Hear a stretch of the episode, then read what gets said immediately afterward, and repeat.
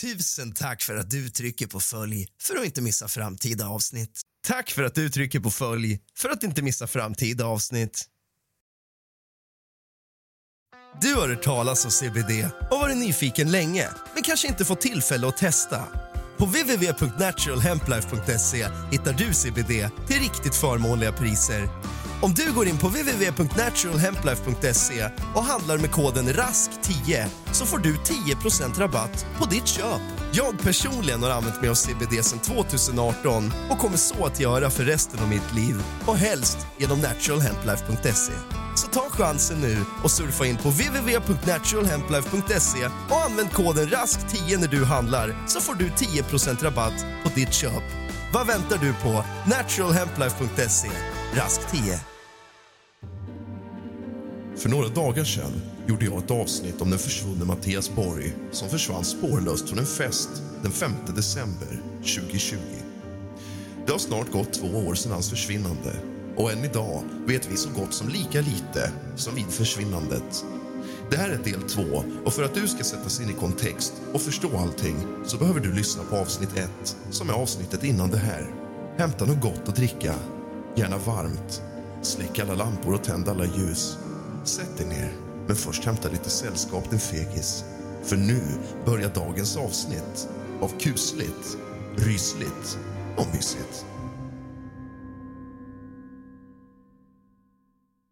Idag ska vi läsa upp lite inlägg ifrån Mattias Borgs egen mamma på Instagram, Erika Borg. Där delar hon med sig av en hel del av sina tankar, sökandet, DNA-analyser. Det är hennes plattform att uttrycka sig helt enkelt. Och idag ska vi läsa några inlägg från henne. Först börjar vi med en bildruta där det står DNA-analys. Där skriver Mattias mamma. Jag undrar om ni känner till något pålitligt företag som utför DNA-analys. Det gäller en strumpa som kan vara det senaste spåret efter min försvunne son. Den hittades på en skogsväg dit en pålitlig blodhund har spårat flera gånger. Förundersökningsledaren hänvisar till regelverket när hon avslår min begäran om analys. Det finns inte misstankar om eller bevis på brott. Jag har dock hört om undantag. Ett annat argument från förundersökningsledaren är att resultatet ändå inte skulle bidra med något viktigt till utredningen eftersom området är avsökt. Vid samtal medger hon dock att det inte är lätt att upptäcka någon som ligger så hon avråder inte från fler sök i området. NFC och Rättsmedicinalverket har sagt nej. Ett privat företag, Dynamic Code, sa ja om jag har juridiskt ombud. När jag ordnade ombud så blev det ett nej i alla fall, för de har inte tid eller möjlighet. Det vi så här i efterhand kan konstatera är att strumpan faktiskt tillhörde Mattias då mamman till slut finansierade detta själv. Vad jag vet om Mattias försvinnande.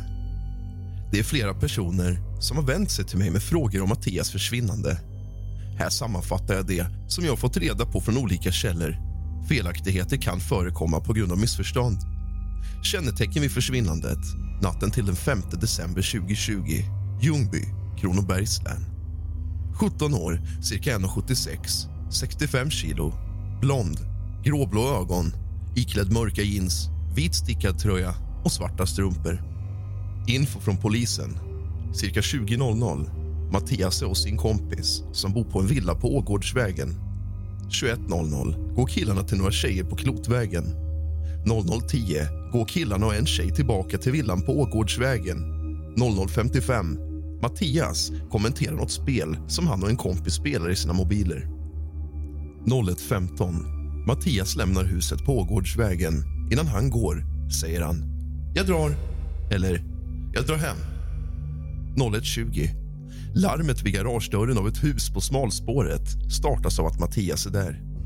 01.34 Mattias fångas på film ifrån huset. 01.39 Mattias fångas på film från huset igen. 01.44 går larmet på husets baksida på Sickingevägen eftersom Mattias känner på dörren. 01.55 Mattias springer vidare från huset på smalspåret via Sickingevägen mot Paulsvägen. Som ni hör här har Mattias av någon anledning sprungit runt i området ryckt i dörrar och sprungit på tomter. Varför? Jagad? Förvirrad? Drogpåverkad? Vi kan bara spekulera i varför han lämnar huset på området går ut utan jacka och utan skor. för att springa runt och rycka i dörrar. 01.15 till 01.54. Två gånger under den här tiden pratar Mattias med familjen som bor i huset. Han säger att han letar efter en tjej. Det är en flicka som killarna tidigare hälsat på. Hon bor 100 meter bort, på Klotvägen. Vid det tidigare besöket var det första gången som Mattias mötte flickan och var hemma hos. Mamman i huset på smalspåret blir rädd när Mattias kommer dit för första gången och skriker att hon kallar polisen. Den ena dottern i familjen känner igen Mattias och när hon frågar honom bekräftar han vem man är. Vid något tillfälle skickar dottern filmen där Mattias springer kombinerad med sin egen selfie till några vänner. Det är den här videon som även jag sett, som jag pratade om i det förra avsnittet där man ser en tjej som filmar Mattias springa utanför huset där hon skriver “Jag sa ju att någonting var på gång”. Ett kort samtal med pappan på husets baksida där Mattias står på gräsmattan. En granne till pappan är med vid samtalet. Mattias frågar efter vägen till centrum. De pekar mot vänster, men han springer till höger, mot Paulsvägen. Han säger “På återseende!” Klotvägen, där flickan som han söker bor, ligger åt det hållet. Pappan och dottern följer efter Mattias med bil och kör ut på Norrleden, men de ser honom inte mer. Mattias är i strumpor. Familjens uppfattning om Mattias är att han är artig och lite påverkad. Någon gång mellan 01.20 och 01.44 pratar Mattias även med en man som också bor på smalspåret. Han ber om varmt te, men han får inte det, utan skickas bort. Här skriver Mattias mamma i parentes. Vi brukar dricka te på kvällarna och vid förkylningar. Mannens motivering att neka Mattias te är att det varit flera inbrott i området och mannen var rädd. Här måste jag pausa och ifrågasätta den här mannen och undra, jag kan inte göra annat än att undra om han idag mår dåligt och har dåligt samvete över detta. För hur kan en vuxen kar vara rädd för en 17-årig pojke i bara strumplästen och utan jacka mitt i natten som utan mask vänligt ber om en kopp te och är förvirrad? Jag kan inte undgå att fundera på om Mattias fortfarande hade varit i livet om han hade blivit insläppt, fått en kopp te där den här vuxna som ska veta bättre frågar Mattias varför han är ute så här sent i bara strumpor och jacka och om han vill ha skjuts hem till sina föräldrar. Det fick han inte. Han fick en avhysning och gav sig ut i natten. Alltså, mellan 01.20 och 01.54 har Mattias kontakt med två hushåll på smalspåret. Han iakttas av fyra vuxna och en minderårig. Tidigare händelser, fredag 4 december 2020. När jag kommer hem från jobbet är Mattias glad. Han berättar att han har hittat en lärarutbildning med franska som huvudämne i Växjö. Då kan han även studera en termin i Frankrike, säger han. På kvällen runt 20 går han till en kompis som bor i en villa på Ågårdsvägen. De skulle plugga tillsammans och sen chilla lite. Dennis har gått i förväg. Klockan 23.55 tittar jag på appen Hitta vänner som visar att båda barnen är på Klotvägen. Ibland brukar de åka runt i någons epa eller bil, så jag reagerar inte på det. Båda barnen är ju på samma ställe. Senare, lördag 5.12, cirka 01.45.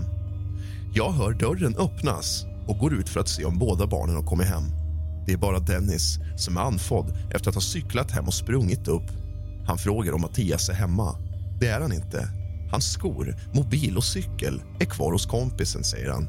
Då måste han också vara kvar. Det är en stor villa. Kanske sover han någonstans, tänker jag. Dennis ringer kompisen och ber honom leta. Vi går också ut direkt för att leta. Först vill jag till kompisen för att försäkra mig om att han verkligen inte är där. Men Dennis är orolig och vill titta runt husen på Ågårdsvägen på vägen till kompisen. Han springer även upp till Hjortsbergsparken. Vi ropar Matti så att det ekar i hela nejden. Jag tänker att snart börjar folk komma ut för att se varför vi väsnas. Vi kommer fram till kompisens hus. Mattias är inte där.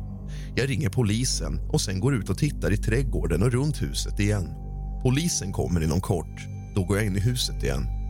Jag ser Mattias skor i garaget. Där, på en trappa som går till en hall som ligger utanför kompisens källarrum har någon nyligen lagt Mattias rock. Polisen ber mig och Dennis gå hem och vänta på Mattias där. Klockan är nu cirka 02.40.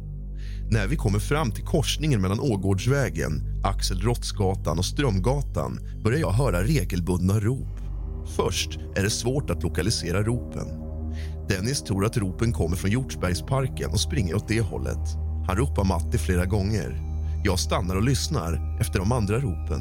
De kommer från det motsatta hållet, från Replösa-området. Det hörs även en hel del hundskall från samma område. Jag ropar efter Dennis och vi lyssnar igen. Vi springer mot Replösa mellan höghusen på Strömgatan och genom järnvägsbron.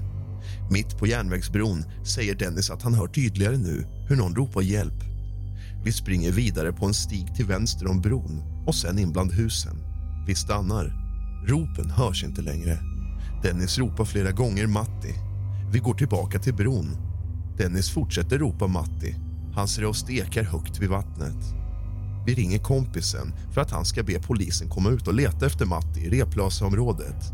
Klockan är nu 03.07.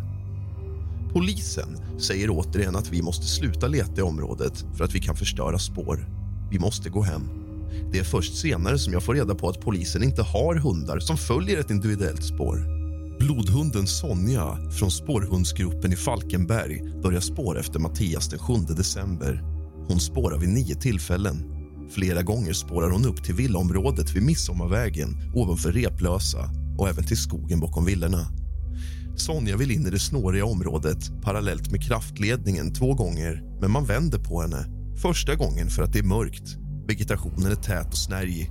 Det finns en hel del stenar och stora vattenfyllda gropar där. Andra gången vänder man på henne för att det inte går att följa henne i den blöta mossan. Man leder henne mot 25an istället. Där börjar hon spåra igen och kommer fram till Tutaryd där hon efter en del letande slutar spåra. Här måste jag bara pausa och som okunnande privatperson ifrågasätta hur man kan stoppa en hund för att det är jobbigt att gå i mossan om en blodhund vill spåra. Man avleder den istället någon annanstans. Jag har tidigare kritiserat polisen i det här fallet, men vad i helvete? På en skogsväg i närheten av det snåriga skogspartiet hittas en strumpa. Strumpan kan ha blivit tappad av Mattias. Formen och storleken och slitaget på strumpan tyder på att någon kan ha sprungit i den. Så strumpan kan vara det senaste konkreta spåret efter Mattias. En DNA-analys skulle kunna klargöra om strumpan tillhörde Mattias eller inte men förundersökningsledaren vill inte skicka den på analys. Motiveringen är att det inte finns några brottsmisstankar eller bevis på brott. Ett annat argument är att området kring strumpan är avsökt. Däremot, vid samtal medger, medger förundersökningsledaren att det är en svår terräng och det är inte lätt att upptäcka någon som ligger. Och det är nästan så att man rent ut sagt blir jävligt förbannad. Vad gör de egentligen? Avleder hundar. Skickar inte in klart och tydliga spår som definitivt kan tillhöra personen de söker. Det finns säkert skäl till att Mattias än idag är borta, tyvärr. Man borde sätta in någon mer kompetent. För hur kan en förundersökningsledare välja att inte skicka in ett högst relevant spår? Och hur kan en blodhundsförare vända om för att det är jobbigt att följa efter hunden i mossan? Ta på dig bättre skor. En 17-årig pojke är försvunnen. Men vi vänder om och vi skickar inte in någon strumpa. Hål i huvudet. Polishundar markerar i ån Lagan vid Replösa bron flera gånger. Många söker i ån, men utan resultat. Det sägs att hundar kan reagera på doftmolekyler som rinner i ån från andra områden. Det sägs också att under bron bildas det virvlar där doftmolekyler kan ackumuleras. Blodhunden Sonja spårar på åtta olika dagar från och med den 7 december. Hon spårar aldrig till ån, det vill säga, enligt henne är Mattias inte i ån under den här perioden. Senare får jag reda på följande. Mattias rock hittas bakom soffan hos kompisen på Ågårdsvägen. Mattias mobil är på laddning på bordet hos kompisen. Mattias hade druckit folköl och Jack Daniels. Ingen drack nåt efter klockan 24. Ingen konsumerade någon typ av drog. Dock måste jag pausa här och säga att det är ju såklart enligt ungdomarna som säger detta till mamman. En ungdom erkänner inte om de har tagit droger, tyvärr. Flera kompisar hävdar att Mattias inte var berusad eller påverkad när han gick ut ur kompisens rum. Där måste jag också bara pausa och säga att om han faktiskt var det så gör ju de Mattias en björntjänst för att han är ju faktiskt borta. Man behöver passera två rum, en hall och ett garage efter kompisens rum för att kunna komma ut ur huset. I hallen och i garaget finns det kläder och tofflor. Det kan hända att Mattias lånade ett par foppatofflor som han sen tappade. Från kompisens rum ser man inte vad som händer i de övriga utrymmena på vägen ut så Mattias kan ha blivit överraskad av några i garaget eller utanför huset utan att de i huset märkte någonting. Det pågår en annan fest i närheten av huset på Gårdsvägen, berättar någon senare. Det var vad Mattias mamma delade med sig av på sin privata Instagram där hon delade med sig av sökandet, av, av sökandet efter Mattias vad hon vet, vad hon hört, vad hon har sett och hur det har fungerat. Det här var del två om fallet Mattias Borg. Jag vet inte om det kommer en del tre, men det kan mycket väl göra det. När kan jag dock inte lova. Det blev ett kortare avsnitt idag, bara lite som bonus eller vad man säger ifrån förra veckans avsnitt. Tack för att du har lyssnat på min podcast Kusligt, rysligt och mysigt av och med mig, Rask. Sov gott.